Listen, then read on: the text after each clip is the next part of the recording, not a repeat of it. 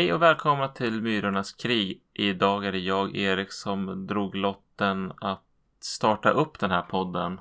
Det brukar alltid vara det svåraste. Ja. Även fast man egentligen bara säger hej på något sätt komma igång. Jogga igång poddkäften på något vis. Ja, så, så är det lite så här. Man är inte riktigt varm i kläderna än. Man skulle liksom behöva förpodda i 20 minuter. Men det har vi inte tid med. Utan nu måste vi kasta oss in i kvällens ämne. För klockan är halv nio. Och halv nio för småbarnsföräldrar är way past bedtime. Precis. Men ehm, vi kommer att be oss ut i eh, tunnlarna under storstäderna i såna här vagnar som ser ut som limpor om en stund. Men eh, jag tänkte kolla med läget med dig först innan vi löser biljett och eh, skiter i spärrvakterna och allt det där. Jo då, det är väl ganska bra. Jag påbörjar snart mitt nya jobb så det känns väl lite nervöst men också roligt. Annars vet jag inte om det har hänt så mycket spännande i månaden. Vi har haft en liten jobbig period som många föräldrar verkar ha den här tiden med att eh, Greta, vår dotter, är sjuk stup i ett känns det som. Så man blir lite uppgiven till slut. Känns som att jag kan räkna de friska dagar hon har haft sen i början av december på två händer i alla Mm. fall. Men ja, det är väl bara att härda ut. Det har ju gått bra så här långt. Men det, det blir lite tröttsamt. Man blir ganska begränsad i vad man kan hitta på. Särskilt så här i coronatider. Då blir det lite, jaha, ska vi våga träffa farmor och farfar? Ska vi våga hälsa på den här? Eh, så att det, det varit lite jobbigt. Annars rullar det som på. Det har inte egentligen något mycket spännande som har hänt i månaden. Nej, nej. nej. Irma har ju peppar peppar varit frisk. Hon fick fira sin första födelsedag där hon var frisk för någon vecka sedan. Hon har alltid varit sjuk. Även på den dagen hon föddes så var hon sjuk. Mm. Men nu klarar hon det och hon håller sig än. Men bara för att jag sa det nu så kommer hon bli sjuk inom förskolan imorgon. Nu har du jinxat dig själv. Ja. Eh, annars så för min del är det också ganska bra. Jag har provat på att jobba på kvinnokliniken i Övik förra veckan. Det var skojigt och extra knäckat. Prova på någonting annat. Ett lite mindre sjukhus. Jag blev faktiskt peppad på det. Det är ju som en timmes pendlingstid med tåg plus att man ska gå till stationen. Men det, det var funkar förvånansvärt bra. Det var trevligt folk och trevliga patienter och trevlig resa.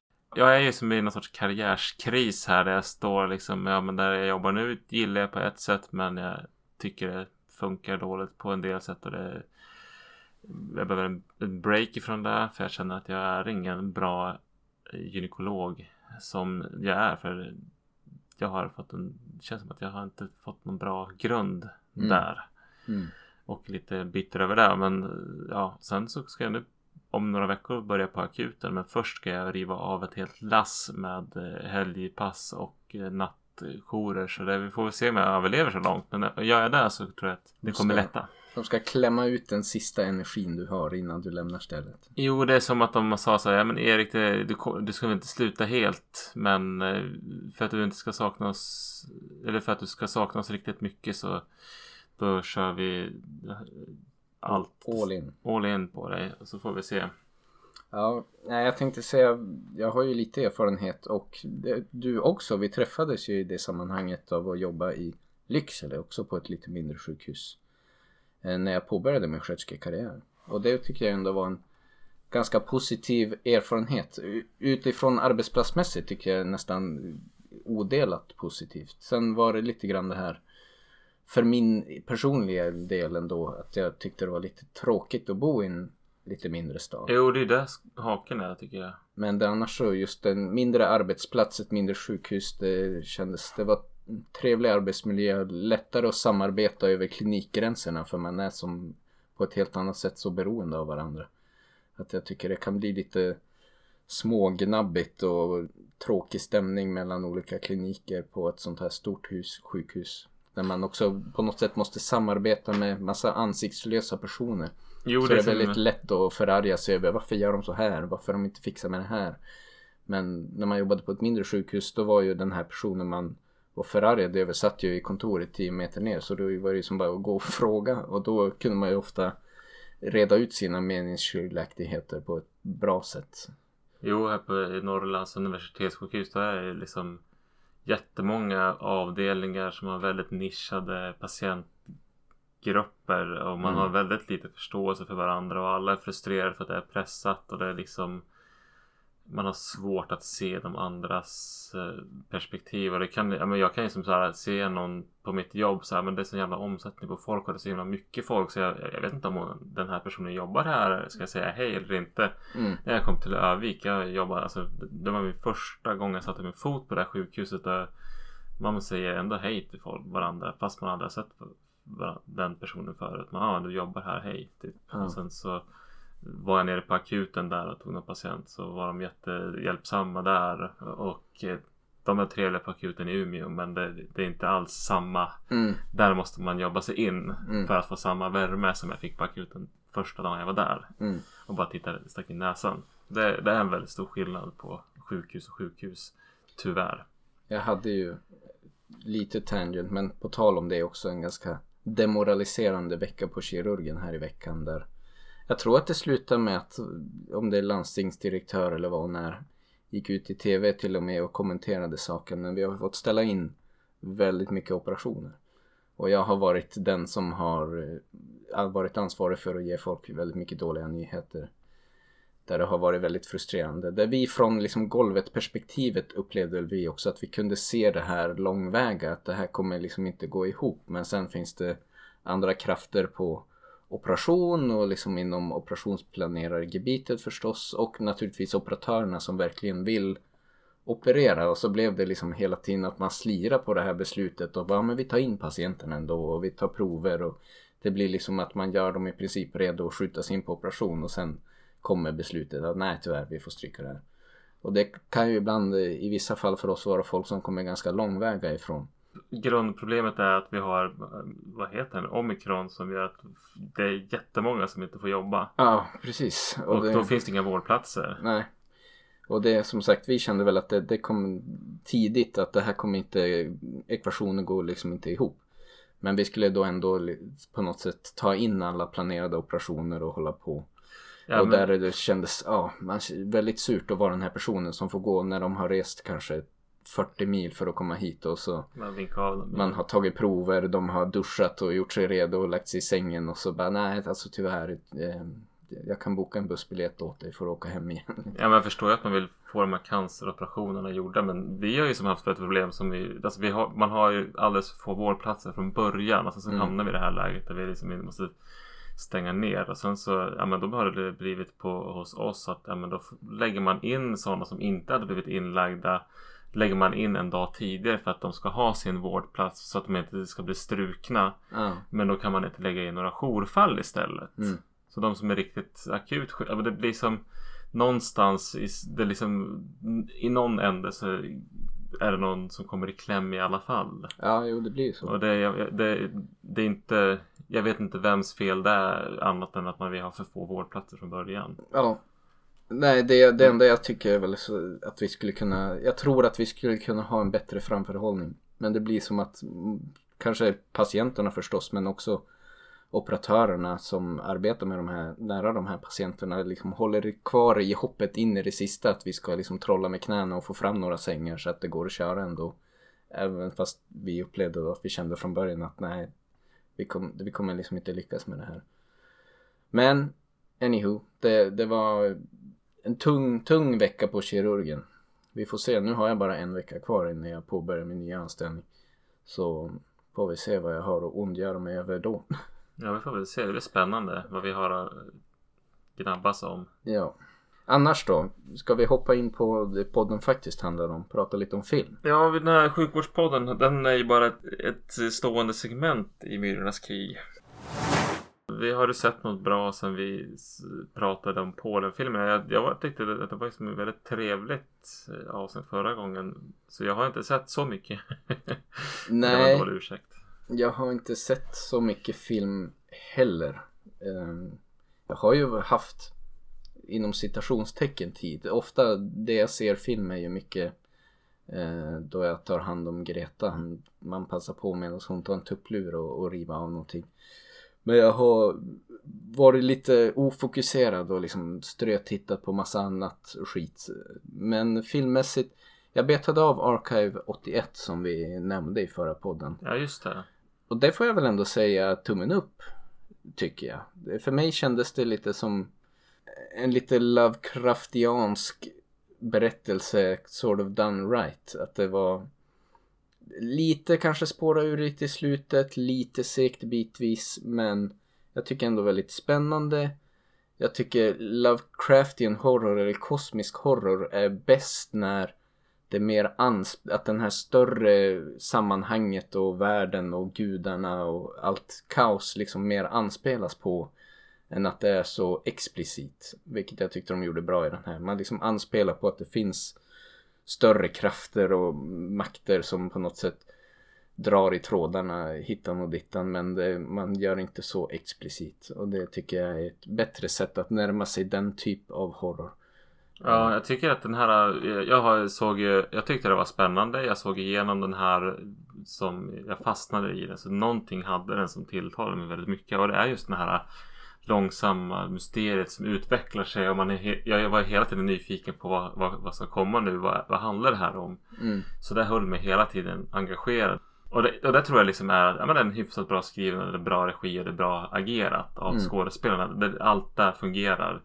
Sen så har jag det är ett avsnitt som jag känner, äh, men va- varför ska de göra det här? Det här känns bara som en upp, göra det tydligare för att man är rädd Mm. att det ska vara otydligt. Jag Mm. vet inte om du förstår vilket jag menar med det när de hoppar tillbaka i tiden. Ja, precis. Eh, det är ett problem och sen att de kastar in något CGI-monster som dyker upp i skärmen ibland bara för att ja, men, det, det känns som att producenten eh, James Wan, ja, men någonting måste ha för att Mm. kasta in ett köttben åt de här otåliga istället Mm. för att bara lita på berättelsen och det här sega.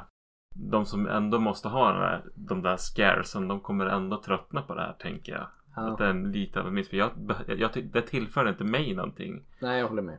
Sen var det inte, jag tyckte inte det var så mycket sånt att det drog ner det så mycket för Nej, mig. det var ett aber men det förstörde inte för det var Mm. tillräckligt lite av det. Mm. Och annars, utöver det har jag nog bara sett en skräckfilm vad jag kan dra mig till minnes. Och det är Bodycam som var någon sån där som snurrar förbi i mina rekommendationer i något sammanhang. Var det något att ha? Mm, nej, jag skulle säga så här. Det var en ganska okej skrivet manus. Och det hade kunnat vara en ganska bra skräckfilm. Det var som att dialogen kändes egentligen okej också. Men skådespeleriet genomgående var bedrövligt. Jättedåligt. Jag är lite obekväm för det känns som att man har gjort en grej i den här filmen av att vara så här, de kastar väldigt mycket minoriteter. Latinamerikaner och, afroamerikaner som är i stort sett hela casten.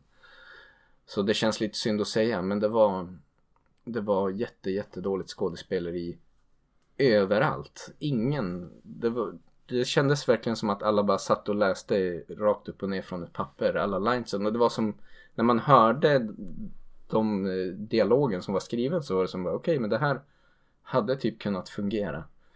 Men tyvärr så tappade det lite på det då.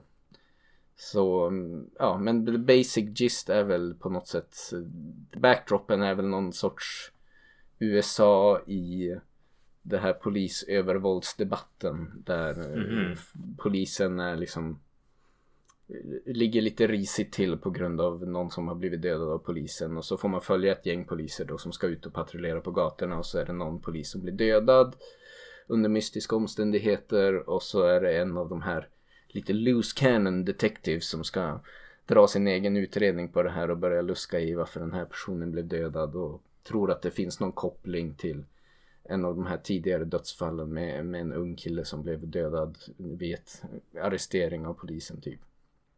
Eh, vilket, jag menar, det är inget unikt men det hade kunnat funka och det var liksom själva horroraspekten. Den hade några scener som var genuint riktigt kusliga. Men, men det faller väldigt platt på att alla agerar så otroligt dåligt i den här filmen. Så tyvärr får jag väl säga att det, det är nog Tummen ner. egentligen en fet tumme ner. Ja. Och det är väl det. Det, Det täcker det. in min, min eh, skräckkonsumtion i vart fall den här månaden. Okej. Ja, det som jag kan nämna att jag har sett, är det som är nämnvärt i dagens podd skulle jag vilja, jag har- ändå haft lite bättre skörd tror jag, för jag har lyckas vas- Jag hittade till slut i mina gömmor eh, min Blu-ray med The Cemetery Man eller ah, vad fan hette det? Della Morte della More eller något sånt där heter den Mm. på italienska. Det är en spaghetti-skräckis. Det handlar om en, det är Michel Suavi som har gjort den. Han ska tydligen vara en kultregissör. Nu, vi är ju utforskare, vi, har, vi, vi är inte auktoriteter här. Ingen prestige här. Nej. Men eh, som regisserare, det handlar om en eh, huvudpersonen är en eh, ung man som eh, jobbar som någon sorts dödgrävare. Men i, i det här jobbet ingår det att ja, på den här kyrkogården så vaknar många av liken till liv efter sju dagar. Och så då skjuter han ihjäl dem igen. Man Mm. måste använda det som en zombie-rulle. Men ja, det, det är hans uppgift och han har en assistent med sig där. Och sen så blir han förälskad i någon änka där som går. Och så blir det komplikationer. Är väldigt knasig, ganska rolig, inte så otäck. Men har en del ganska bra splatter och knas. Den eh, blir lite fragmentarisk historien. Men eh, tyckte den var underhållande. Definitivt sevärd. Någonting vi nog borde ta upp någon gång. Kanske inte närmaste året. Men om vi på avsnitt 57 kanske. Det här lät väldigt bekant måste jag säga. Ja, det, var så här, det är ju en känd, det är ju en kult. Ja, jag undrar om jag kan ha sett den här men det är jättelänge sedan. Jag hade ju någon period då jag och en, en annan kompis eh, hade vi liksom betade av en fruktansvärd massa filmer i en rasande takt och mycket av det har fallit i glömska men när du beskriver hela upplägget så det känns igen men jag skulle nog behöva se om den för att kunna säga något mer vettigt. Jo. Den var ganska pårökt på ett, på ett bra sätt. Mm. Under våren kommer vi prata om svenska filmer mer. Men Mm. igår såg jag, för den fanns på en streamingtjänst, eh, Alena som är en svensk, eh, vad ska man säga, internatskoleskräckis. Mm. Flickskoleskräckis från typ 2016 eller något sånt där. Det handlar om eh, huvudpersonen Alena som byter från den kommunala skolan till den här snobbskolan där hon försöker få vänner och eh, undvika att bli mobbad och eh, med sig, hon kommer inte alena för hon är som en en karaktär från det förflutna som förföljer henne dit och det händer en hel del våldsamma saker. Okej. Den var faktiskt helt okej ändå. Mm. Den var, jag tyckte den hade som en del bra men Det var som hantverksmässigt bra hyfsat skådespeleri ändå med tanke på den unga casten och eh, en helt okej berättelse. Sen så saknar jag väl kanske lite grann det här att det fanns någonting med den här backstoryn till Alena som inte riktigt det, liksom, det var någonting jag saknade där och sen så kom det en, en förklaring på slutet men det jag fick ändå inte liksom klart för mig den karaktärens stora problem. Så det, det är väl där det haltar på. Men den var ja, ändå okej. Sevärd. Mm. För att vara svensk. Är det inte de bättre svenska skräckfilmerna ändå? Bättre än andra sidan Mm. till exempel. Ja. Mycket bättre. Så det är, det är väl en, en liten rekommendation. Mm. Men det är inte så himla mycket mer. Det är lite, inget som är värt att orera djupare om. Nej men då kanske vi tar och avrundar där och beger oss iväg mot eh, Londons tunnelbana och eh, målet för avsnittet helt enkelt. Mind the gap. Mind. Ja, och först ut är 2004 års Creep som utspelar sig i Londons tunnelbana. Regisserad och skriven av Christopher Smith. eh, Där vi känner igen honom ifrån i den här podden är Triangle Ja, framförallt. Som ändå var okej absolut. och tänkvärd. Mm. Och eh, i huvudrollen har vi Franka Potente. Som är en tysk skådespelare som är med i Spring, Lola Spring och Bourne-filmerna. Ja, just det. Jag har inte sett dem. Så hon är ju lite av en stjärna. Ja.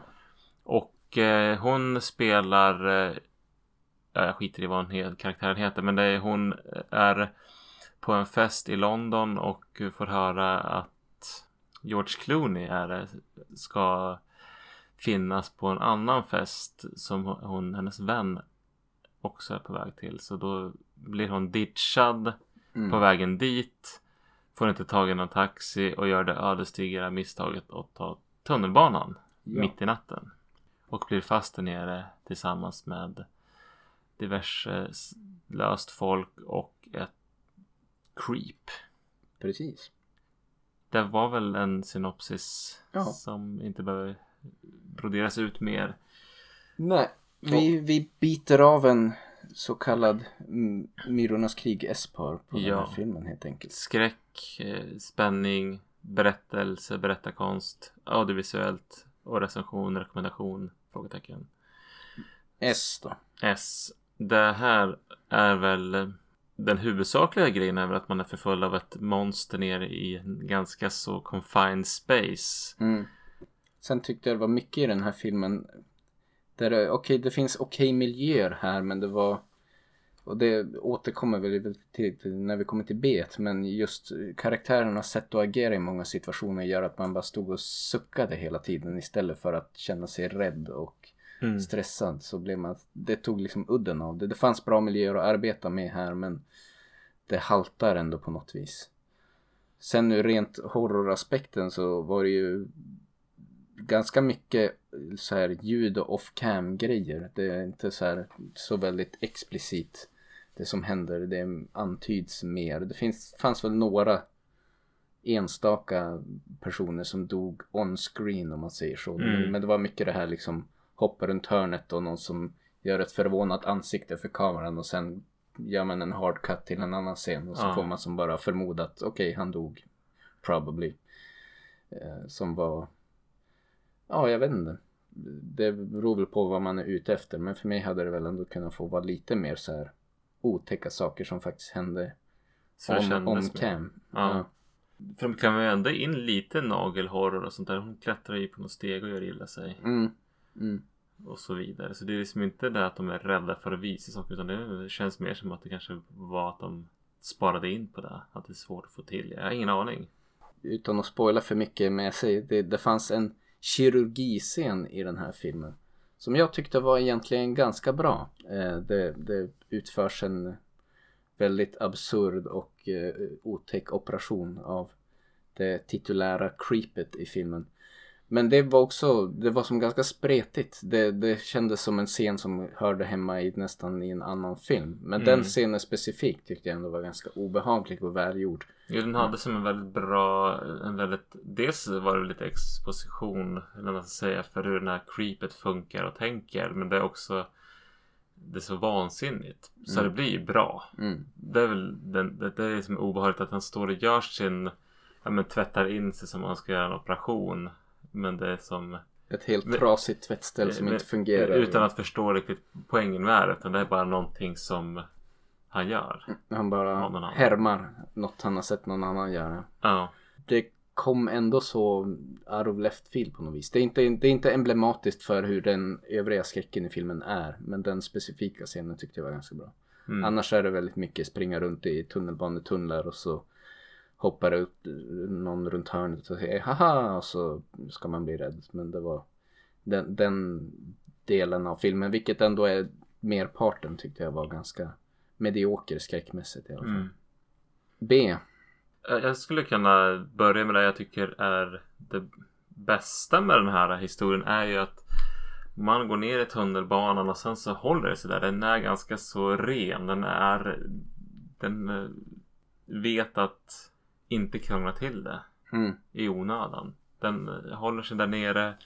Eh, Franka Potentes karaktär försöker liksom komma undan och överleva det här monstret och det det stöter på, de stöter på problem och försöker klara sig igenom det ena hindret efter det andra. Ja. Och jag tycker det är, de krånglar inte till det. ja och nej. Jag skulle väl säga... Något krångel är det väl, men det kunde ha varit krångligare. Ja, om vi kanske, ska, om men vi, det- det, jag kan tyckte- vi återkomma till i nästa film. Precis. Men jag tycker så här att det var lite det titulära creepet. Vi såg en del extra material efter som förtydligar en del aspekter av filmen. Att det finns ju det, nu blir det lite light spoilers här och var. Det får ni nog leva med. Men det, Creepet har en mer... det mer finns den här filmen. ja, det är en människa egentligen men eh, svårt deformerad och, och tokig snubbe som springer runt liksom i tunnelbanan här och mördar folk som har kommit lös. och det finns som en någorlunda väl uttänkt backstory där men som är ganska oklar. Där spelar den här tidigare nämnda kirurgiscenen in i att liksom lite grann försöka förtydliga det här. Mm. Men jag hade, det hade nog lite flugit med över huvudet faktiskt om vi inte hade sett extra materialet sen då han explicit förklarar hur han har tänkt Ja. att tittaren ska tänka när man ser det här. Jo, men jag anade någonting. För i början så är det ju att lite spoiler, men det tror jag inte förstör filmupplevelsen. För det är ju två stycken eh, rörmokare som springer runt nere och ska rensa i rören. Och, Mm. Eller rörmokare kanske de inte är, men slamsugargubbar, skitgubbar. Ja. Som eh, är i kloakerna och ska rensa så att avrinningen funkar. Mm. Och då är det en, en äldre man som har en lärling eh, som han ska liksom förklara, "Ja, men nu går vi här och här har ju gått 20 år och det där hålet har inte funnits. Så att man, man märker att en vägg som har liksom gått sönder. Mm. Och att det är liksom hintar om att det är någonting som har släppts lös här nere Ja.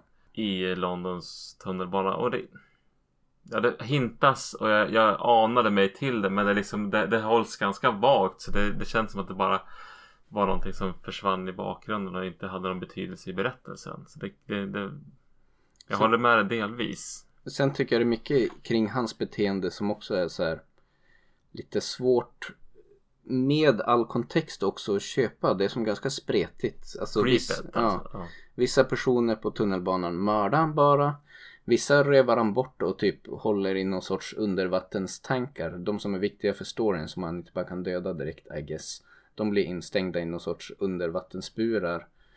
Av oklar anledning. Jag kände aldrig riktigt att jag förstod vad grejen med det var. Och vissa utför han kirurgi på då apparently. Men det var som Leker doktor. ganska spretigt där och jag hade som svårt att få något grepp om signifikansen. Kanske särskilt för de här burarna som man hade stängt in massa folk i och gick runt bara och så här peta på dem men döda ingen av dem. Där de var instängda i några vattenfyllda burar som där vår, även våran huvudroll blir instängd i något eh, sekvens men lyckas komma lös och, och komma undan så småningom. Men I don't know, det, det kändes lite all over the place för mig där. Och det, det var väl som sagt med extra materialet så fick man en lite mer tydlig förklaring om vad han ville försöka få berättat. Men när jag såg det så satt jag mycket där och kliade mig i huvudet och Ja, varför ska de vara i den här operationsavdelningen? Ja. När, är det bara för att det ska vara lite extra otäckt? Men Mm. det fanns en förklaring till det. mm, Som inte framgår tydligt i filmen utan det anas till på någon bild, något foto som de hittar och så vidare. Sen tycker jag kanske det största problemet med filmen det är ju tyvärr får väl säga för Franka Potentes skull att huvudrollerna är ju de absolut överlägset tråkigaste karaktärerna i filmen. Dåligt spelade, dåligt skrivna. Hon känns som en damsel in distress som så här, Gör det där, gör si. Hon skriker, hon säger vad folk ska göra men hon gör det inte själv om någon anledning. Nej, är så hopplöst hjälplös och där liksom storyn drivs framåt av att folk fattar korkade beslut. Mm. Att det känns som den här creepet har egentligen inga superkrafter och det finns som flera segment där det känns som att en något mer samlad cast hade kunnat övermanna den här snubben utan något större problem. Men det blir som, det förutsätter att de eh, gör massa korkade grejer för att spänningen ska hållas liv i. Vilket är väl emblematiskt för problemen med många skräckfilmer men det var väldigt tydligt här och hon var väldigt tråkig att följa. Hade som inte så mycket intressant som gjorde att jag hejade på henne. Sen var det en del av bikaraktärerna runt henne som var ganska intressanta men de fick ju tyvärr inte vara med så länge. Nej, så- Bland annat ett par hemlösa som springer in i tunnelbanan där som faktiskt var ganska välspelade, ganska roliga och de- hjälpsamma. och hjälpsamma. De enda som kändes som att de hade, trots att de var- sköt upp heroin och låg avdankade i något kryp in i tunnelbanan så kändes de som de mest handlingskraftiga karaktärerna nästan. Så de hade jag hellre, hellre fått följa. Men det, Jag vill inte för regissören. nej, det skadar filmen lite grann tycker jag. Att det, man, det var mycket fokus på fel, fel karaktärer som jag egentligen inte var så intresserad av. Mm. Sen har jag lite problem med att det kändes med klippningen och hur tiden förflyter i filmen. Att det är som Det händer jättemycket saker medan några springer genom en tunnelbanestation så hinner mördaren liksom ha en lång, lång förföljelsescen och ta bort ett offer och släpa iväg den till något annat ställe och komma ikapp dem som har sprungit iväg på ungefär den tiden det tog för dem att ta sig igenom tunnelbanestationen. Ja, det är svårt att få något grepp om hur mycket tid som förflyter. För att i, i vissa segment känns det som att okej okay, för att X, Y och Z ska ha kunnat hända så måste det ha förflutit 4-5 timmar nu i alla fall. Men sen klipper de tillbaks till nästa scen och det är som du säger, då, de började springa över en plattform och just kommit till andra ändan av den plattformen. Ska vi tolka in det som att det här som vi såg emellan nu hände under det tidsförloppet eller är det liksom hoppar vi runt i tiden här? Det var väldigt svårt att få något grepp om. Mm. Sammanfattningsvis, det fanns kanske ändå en okej okay story här någonstans. Särskilt när man lyssnar på vad regissören vill berätta efteråt. Men det är mycket här det haltar ändå tycker jag i den här filmen. Det var väl det vi hade på B eller hade du något mer att tillägga där? Nej, vi kan hoppa på A1. A1. Ja. Och egentligen min huvudsakliga poäng på A1 har vi nästan redan berört. Och det var som du tog upp eh, under B. Men just det här med klippningen i filmen är väldigt förvirrande. Eh, och jag behöver kanske inte säga mer än så. Det känns som ja. att vi har redan eh, drivit hem den poängen.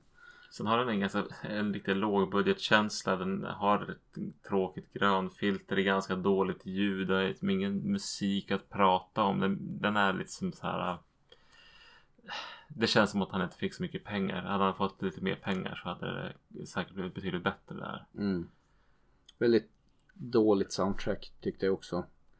Eh, egentligen kanske det, alltså man glömde, ganska så här, det är väl inte provocerande dåligt men det daterade filmen ganska mycket ja. på ett dåligt sätt. Um, så ja, det är väl det. Men som sagt, min huvudsakliga kritik mot filmen rör nog egentligen klippningen och ja. det har vi redan hamrat hem lite grann. Ett plus till filmen är att jag, jag, jag får ju ändå väldigt, det känns som att de har filmat on location. Det här är i Londons tunnelbana. Det känns som att de är där nere och springer på riktigt. Det mm. känns mm man nästan, jag, jag känner nästan lukt, tunnelbanelukten här. Mm. Jag får verkligen den känslan. Så det, det, det, ett, är ett ganska bra plus för det, det är ju det här jag var ute efter. Det är en bra setting för en skräckfilm och de lyckas ändå fånga det bra i filmen. Det får man, det får man ge den. Men om vi ska gå på R då. Är det något vi kan rekommendera? Det är det här mittemellan. Varken avråda eller starkt rekommendera. Jag, jag är lite, den satte inget starkare avtryck.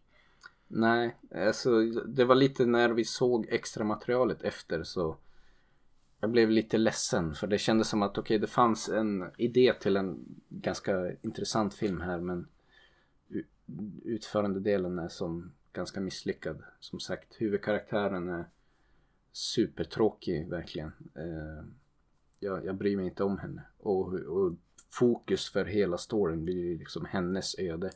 Så det är nog svårt för mig att rekommendera den tyvärr. Mm. Eh, sen med, med facit i hand när man har fått se vad regissörens idéer och tankar kring det var. Nästan han lät ju också lite så här inte deppad men lite grann så här att han önskar att han hade kunnat göra mer med, med idén än vad det i slutändan blev. Fick man, tycker jag nästan intrycket av när man hörde hans eh, kommentarer efter filmen också. Och I don't know. Det, det fanns fröet till en ganska bra film här som tyvärr inte riktigt lyckas. Nej, det var som att den inte riktigt fick bli där den borde ha blivit. Ja. Ja så men... att, eh, det är nog ändå en tumme ner för min del är man väldigt, väldigt sugen på en tunnelbaneskräck så för all del. Men ja, jag skulle ha svårt att rekommendera den här till någon som liksom skräckfilm generellt. Det är om någon skulle specifikt fråga mig efter en tunnelbaneskräck som jag bara okej, okay, sure, du kan pröva att titta på Creep I guess. Det är så långt jag vill gå. Ja, men nog om den. Creep var förtjänar inte mer av eran tid. Då tar vi flyget över Atlanten och hoppar på New Yorks tunnelbana istället. Ja. Stand clear of the closing doors, please. Midnight Meat Train då från 2008 i regi av Ruhei Kitamura med eh, Bradley Cooper, Vinnie Jones och Leslie Bibb i huvudrollerna. Då får vi följa Bradley Coopers karaktär då Leon som är någon sorts kämpande fotograf som har någon sorts högre artistiskt anspråk i sitt fotografi och vill fotografera New Yorks mörka sida är väl på något sätt hans ingång i det här.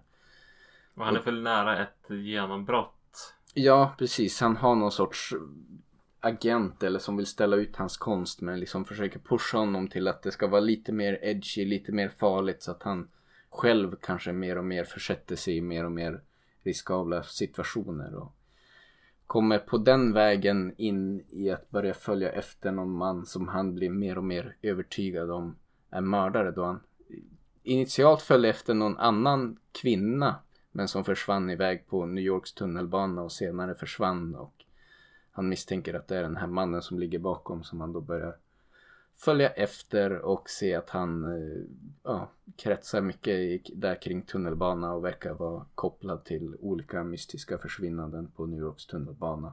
Och ja, på den vägen är det väl. S på den. Vad känner vi?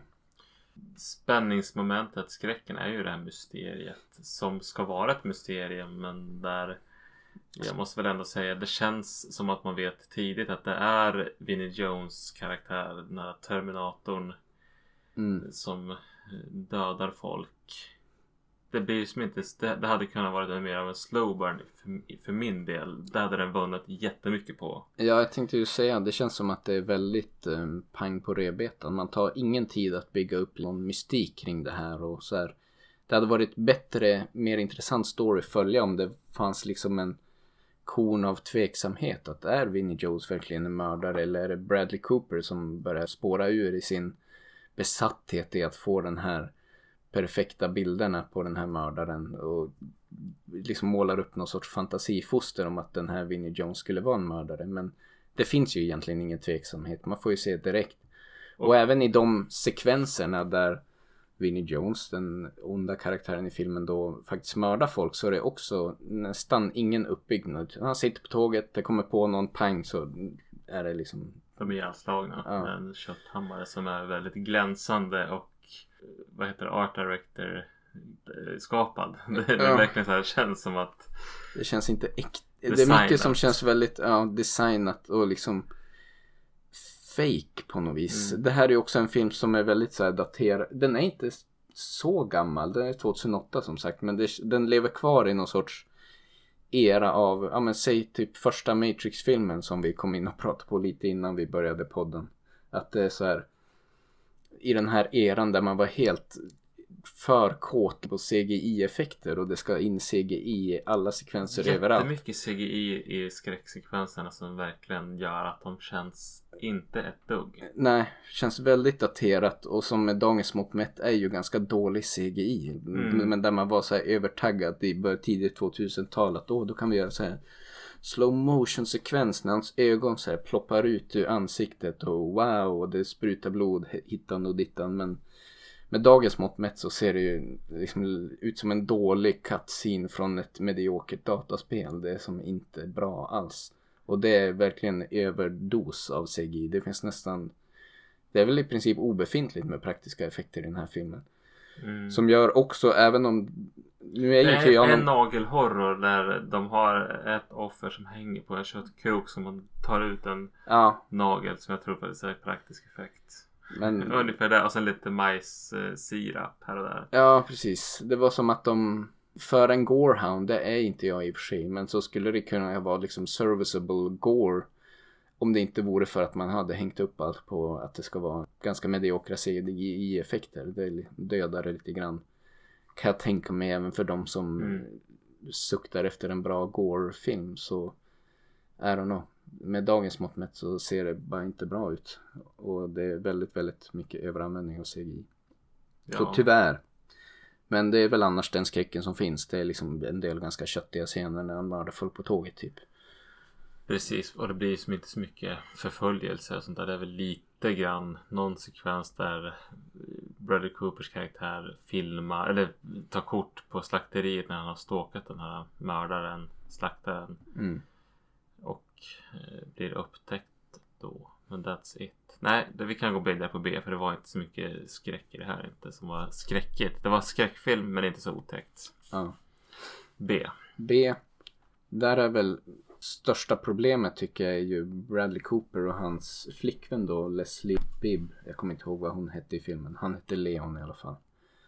Men det är som att den här filmen gör ett ganska stort nummer av att man ska så här, få följa deras utveckling. Men det finns ändå inte riktigt tid för det. Så att det, det känns som att det finns en story arc här där de börjar i ett väldigt så här puttinuttigt romantiskt förhållande som allt eftersom bryts ner när Bradley Cooper blir mer och mer besatt av det här arbetet.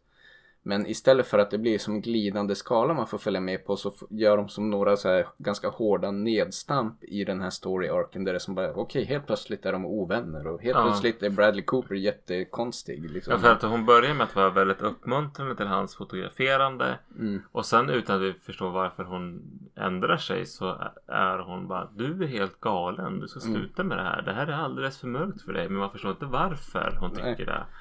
Det kommer som, det är liksom hard cut mellan de två lägena där det, det känns som att de ville göra en typ vad heter det, The Shining här där han liksom sakta men säkert slukas upp mer av det här arbetet och hon ser hur han blir, börjar må sämre och sämre och liksom vill på något sätt gå in där och försöka bryta det här destruktiva förhållandet han har fått i sitt arbete. Men istället så blir det som bara okej nu är de puttinuttiga perfekta förhållandet hard cut till nästa scen när det typ du kan inte fortsätta så här. Du kommer låta det bryta ner dig och han beter sig jätteskumt och man som I don't know. Och egentligen är inte det så intressant. Nej, Det- den, den historien känns helt överflödigt späck. Det är, ju- jag funderar, jag har inte läst novellen som den här bygger på som Clive Barker har skrivit. Men jag, jag, får ju näst, jag, jag tror ju nästan att, att han har skrivit en novell som handlar om den, att det är någon som upptäcker den här mördaren och vad det är mördaren har för ett större uppdrag. Mm. Eller vad man ska säga. Eller motivation eller vad man ska säga drivkraft. Det är en ganska bra historia. Men sen Mm. så ska man ha en massa fluff här med den här kärlekshistorien med det här paret. Och så gör man det jätteklyschigt. Hon jobbar på ett fik och de bor i en studielägenhet. Och det Mm. är, ja, han är den kämpande konstnären och de är så här. Ska vi gifta oss? Nej men vi ska kanske förlova oss. Och de har Mm. det här. Och sen förvaltar inte det alls. Nej, och det tar ju lite grann syret ur grundberättelsen också. Det känns som att under köttiga scener på tåget och märkliga romantiska story arcs mellan Bradley Cooper och eh, Leslie Bibb så finns det en lite så här intressant, man förstår ju tidigt att det, det är som en större konspiration kring det här tåget, kring varför folk blir mördade på det här tåget, kring vem Vinnie Jones faktiskt är. Och man förstår tidigt att det måste vara fler som är inblandade i det här. Och jag hade önskat att de hade bara skrotat hela kärlekshistorien och låtit Bradley Cooper vara bara ett, som ett verktyg för tittaren att ha ögon på det som händer på tåget. Och att man fokuserar mer på den liksom större konspirationen till vad, varför blir folk mördade på tåget. Eh, för det hade kunnat vara lite intressant och det kommer ju en twist på slutet som känns ganska med kontexten av allt som har hänt innan känns lite så här omotiverad. Det blir liksom lite påklistrat men där det ändå känns som att okej det här hade kunnat vara en ganska intressant eh, konspiration att nysta upp. På ett- Eh, På en, I en bättre berättelse så hade det kunnat bli en ganska rolig eh, ja, knorr. Sen är, är det ju vissa saker i filmen som blir rättfärdigare av slutet. Mm, men, säger inte att, men jag säger inte att det funkar bra för det. Men man vet, det är en del saker som är, men det här är ju jättedumt. mm. Tycker man. Och sen så, ja det var därför det var så dumt. Men det, Varför har inte polisen löst brotten?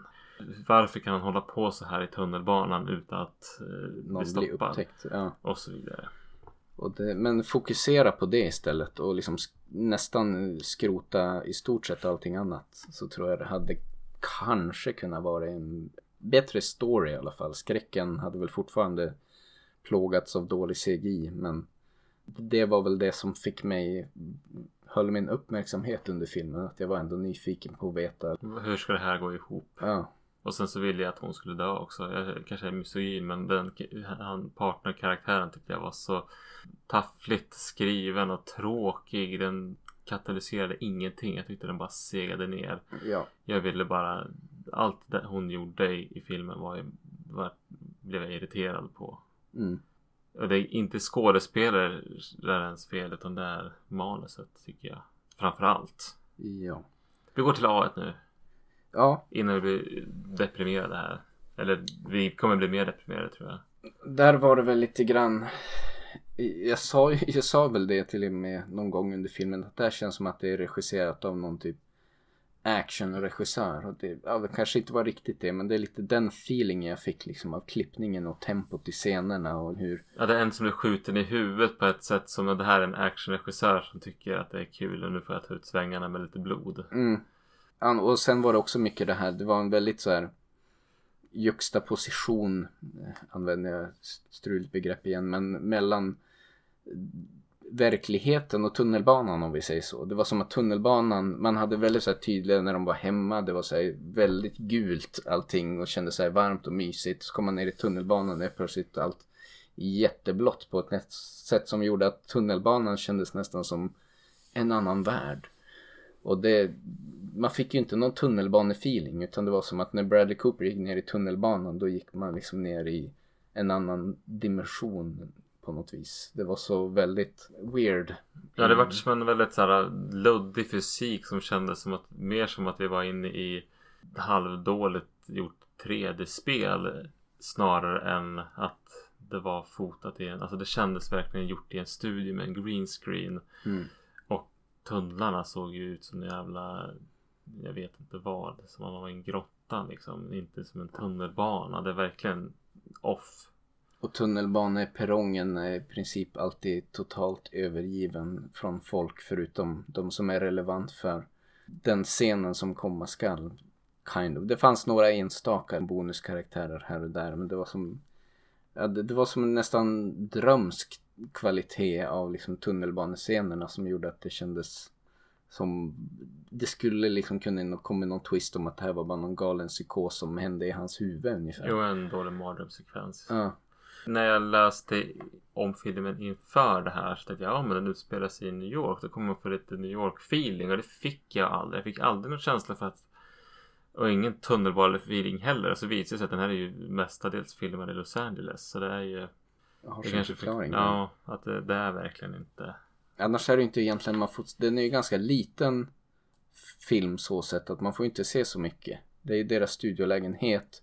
Det är några enstaka så här ganska mörka, svårt att urskilja något scener där han går runt på några gator.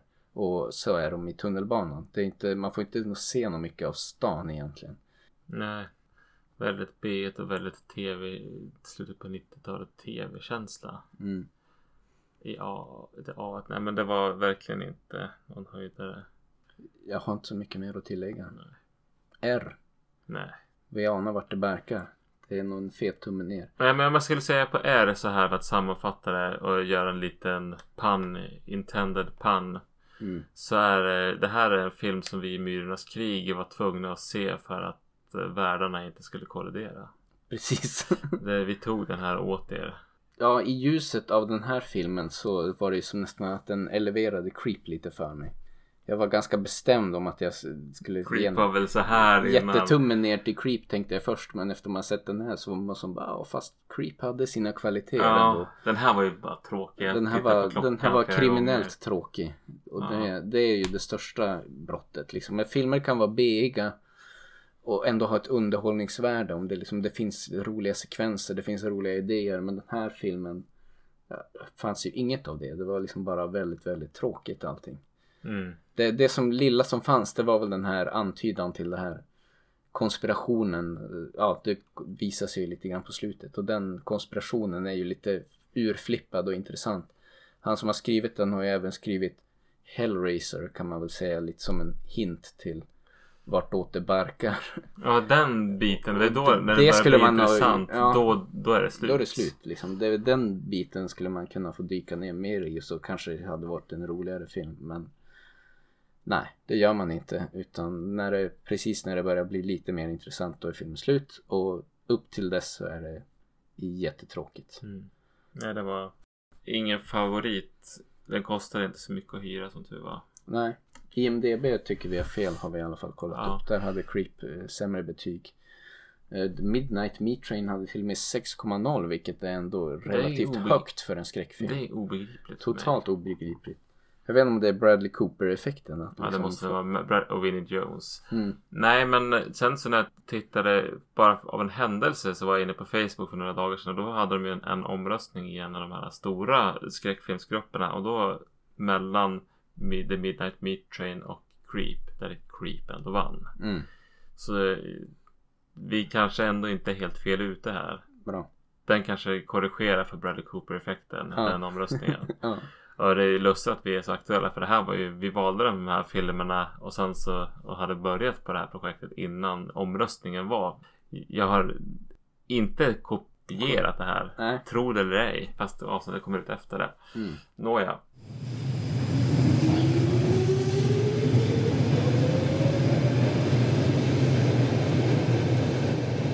Om vi ska ta och avrunda Tunnelbanorna. tunnelbanorna då. Ja men jag, jag tycker ju När jag tänker tillbaka nu när vi har suttit och pratat här så är väl Det som finns i tunnelbaneskräcken så som man borde kanske egentligen Använda mer. Om man skulle göra någon tunnelbaneskräck framöver så är just det här äh, Lite äggande med att ja, men det här är många som åker tunnelbana dagligen och det är väldigt vardagligt och tråkigt Mm. och gör det här lite kusliga och liksom vad finns där precis i, parallellt. Mm. Midnight Meat Trains grundhistoria kanske skulle kunna varit där men att man gör någonting mer man liksom bara du står där och väntar på ett tunnelbanetåg. Den har väldigt många storstadsbor upplevt väldigt många gånger Mm. och som bara gör en, en enkel twist på det. Jag tycker det är en ganska bra setting. Ja, Och det finns glimtar av det när man tittar på Creep där man känner att de, det här är en bra setting. Men det är som att ja, tunnelbanependlarna förtjänar en bättre skräckfilm. Liksom. ja. Eh, Ingen av dem lever riktigt upp till det även om Creep är strået vassare då får jag väl säga. Ja. Sen finns det ju filmer som har tunnelbanescener som, men där egentligen merparten av filmerna inte befinner sig i tunnelbanan. Jag vill minnas ändå en ganska bra sekvens i Londons tunnelbana i, eh, vad fan heter den? American Werewolf in London där det är en stackare som blir jagad av en varulv i tunnelbanan Mm. som är jättebra gjord. Mm. Sen, men det är kanske inte tunnelbana men det här när de går från pendeln i Låta rätten komma in. Men det Ja. kanske, det, den, den tangerar ju nästan. Mm, absolut. Eh, har vi något mer? Tänker på Vi hade den här när vi kollade på den här indonesiska filmen men det är inte heller, det ju, var ju tunnelbaneskräckis Ja, helt och hållet. Men den var faktiskt. ju Kom si kom sa. Ja, absolut. Helt och hållet, ja, den kan vi glömma. Den, därför är det lyssna på Indonesien avsnittet. Mm. Sen har vi ju nu, jag vet inte vad jag kommer igång i nu. Jag fick nästan att säga en topplista men det finns inte riktigt material för det. Predator 2 är ju något tunnelbane. Mm. Där stackaren, nu har jag glömt bort namnet, eh, Bill Pa- Paxton bli dödad av Predator. Ja, precis.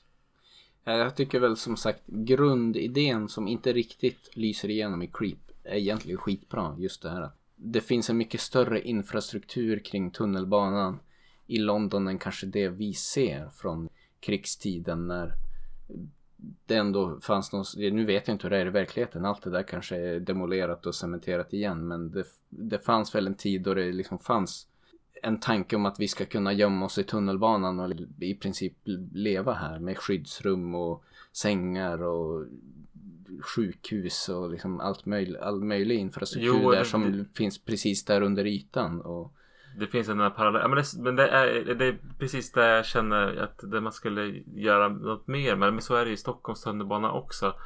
mm, Att det liksom finns här, man kan se, men om man bara vet vad man ska titta efter så kan, det, kan man se att ja, men här är det uppställt som man ska kunna ställa upp ett splitterskydd om det blir krig. Att, mm, att det finns som en parallell infrastruktur utifall Mm. kriget skulle komma. Så Mm. kan man på några dagar så är det här någonting helt annat än det vi är vana vid. Det är ganska spännande. Det finns ju på sjukhuset och lite här och där också. Men att tunnelbanan är ett praktexempel just för att det på riktigt har använts i krig. Men att det faktiskt finns så i Stockholm också. ja. Sammanfattningsvis, jag ska väl inte säga att Creep var ett totalt bottennapp, men två ganska, en ganska medioker film och en eh, rent ut sagt dålig film. Ja, jag var lite besviken. Jag trodde det här skulle vara ett roligare par att, filmer att se på inför det här. Men det, det var faktiskt ganska tråkigt. Vad har vi att se fram emot då? Ja, men jag, nu har jag lagt en beställning på besökarna Blu-ray. Den Mm. ska komma ut den 14 mars. Så om allting vill sig väl med schema, sjukdomar och eh, filmtittning så borde vi nog kunna få till Leverera ett Sverige-avsnitt. Ja, Sverige, Sverige 88. 88 som, specifikt. Eftersom du fyll, fyller år och är född 88. ja, Men eh, annars så hittar vi nog på något annat lite skojigt avsnitt. Det finns alltid något nytt i pipen precis. Vi preliminärt kan säga att vi, vi jobbar för ett Sverige 88 avsnitt och hoppas att vi kan ro ihop det till nästa månad. Och annars får vi slå våra kloka huvuden ihop. Vi har ju många idéer. Man får bara lite grann känna efter vad man är, är sugen på. Sverige 88 är väl det vi är sugna på kan man säga. Men vill det sig inte då, då får vi gräva i, i filmlådan efter något annat tema som vi kan ro ihop. Eh, men till dess så får ni hålla till godo. Så önskar vi som vanligt godnatt och på återseende. Och tänk på avståndet mellan tåg och plattform. Ja.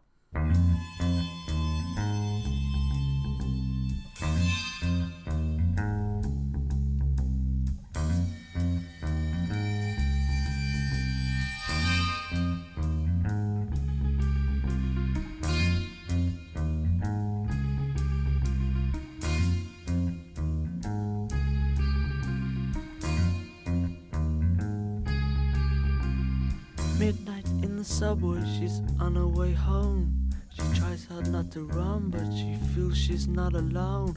Echoes of footsteps follow close behind, but she dare not turn around.